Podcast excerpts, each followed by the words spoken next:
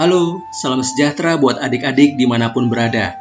Salam sehat selalu dan tetap semangat di masa pandemi COVID-19 ini.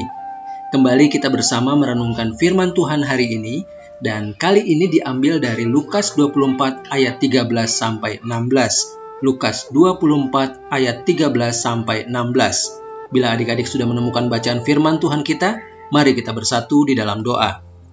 Tuhan Yesus, bimbing kami ke air sungai yang tenang, ya Tuhan, karena kami haus akan firman-Mu Beri kami hikmat ya roh kudus agar kami mengerti kehendak-Mu melalui renungan kami hari ini. Dalam nama Yesus, Tuhan dan Juru Selamat kami yang hidup, kami sudah berdoa. Amin. Mari adik-adik kita baca firman Tuhan hari ini. Yesus menampakkan diri di jalan ke Emmaus. Pada hari itu juga dua orang dari murid-murid Yesus pergi ke sebuah kampung bernama Emmaus yang terletak kira-kira tujuh mil jauhnya dari Yerusalem dan mereka bercakap-cakap tentang segala sesuatu yang telah terjadi. Ketika mereka sedang bercakap-cakap dan bertukar pikiran, datanglah Yesus sendiri mendekati mereka, lalu berjalan bersama-sama dengan mereka. Tetapi ada sesuatu yang menghalangi mata mereka, sehingga mereka tidak dapat mengenal Dia. Adik-adik, fokus kita hari ini ada pada ayat 13 yang berbunyi, pada hari itu juga, dua orang dari murid-murid Yesus pergi ke sebuah kampung bernama Emmaus yang terletak kira-kira tujuh mil jauhnya dari Yerusalem. Nah, adik-adik yang terkasih dalam Yesus, hari ini kita belajar mengenai satu hal yang mesti kita syukuri.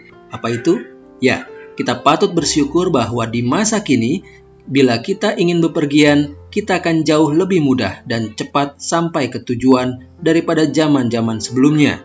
Hari ini, sesuai bacaan kita, kita belajar tentang bagaimana caranya orang bepergian pada zaman dahulu, termasuk pada waktu Tuhan Yesus melakukan pelayanannya di dunia.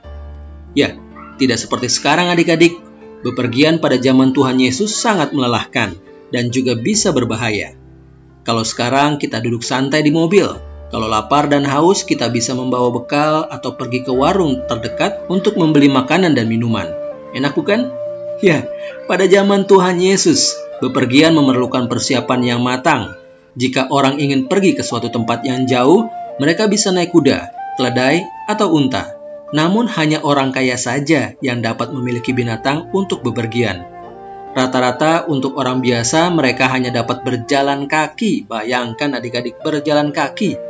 Dalam satu hari, orang yang berjalan kaki maksimal hanya menempuh jarak 30-50 km. Melakukan perjalanan jauh juga ada bahayanya adik-adik. Sebelum melakukan perjalanan jauh, mereka harus tahu letak sumber air di mana, sehingga mereka bisa tahu bagaimana mereka bisa mencari air supaya tidak kekurangan minum.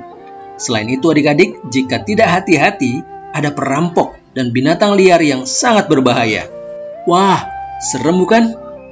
Begitu sulitnya ya, zaman dahulu orang bepergian juga Tuhan Yesus dan murid-muridnya menempuh perjalanan yang jauh dengan berjalan kaki. Nah, untuk itu kita sungguh menghargai pelayanan Tuhan Yesus. Adik-adik, saat ini kita harus bersyukur karena sekarang lebih mudah untuk bepergian. Ada alat transportasi seperti mobil, motor, bus, atau angkutan umum. Bahkan kita bisa memesan alat transportasi dari rumah melalui aplikasi mobile. Canggih bukan?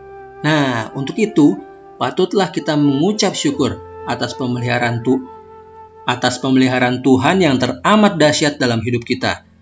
Manusia diberi kepandaian untuk membuat alat transportasi untuk memer untuk mempermudah dan mempercepat kita bepergian. Baik adik-adik, renungan kita sudah usai. Mari kita berdoa. Bapa di surga, terima kasih Tuhan sudah memberikan kepandaian pada manusia hari ini sehingga kami bisa bepergian dengan kendaraan. Kami belajar bahwa pada zaman dahulu sangat sulit untuk bepergian. Kami sangat menghargai pelayanan Tuhan Yesus. Dalam nama Tuhan Yesus, amin.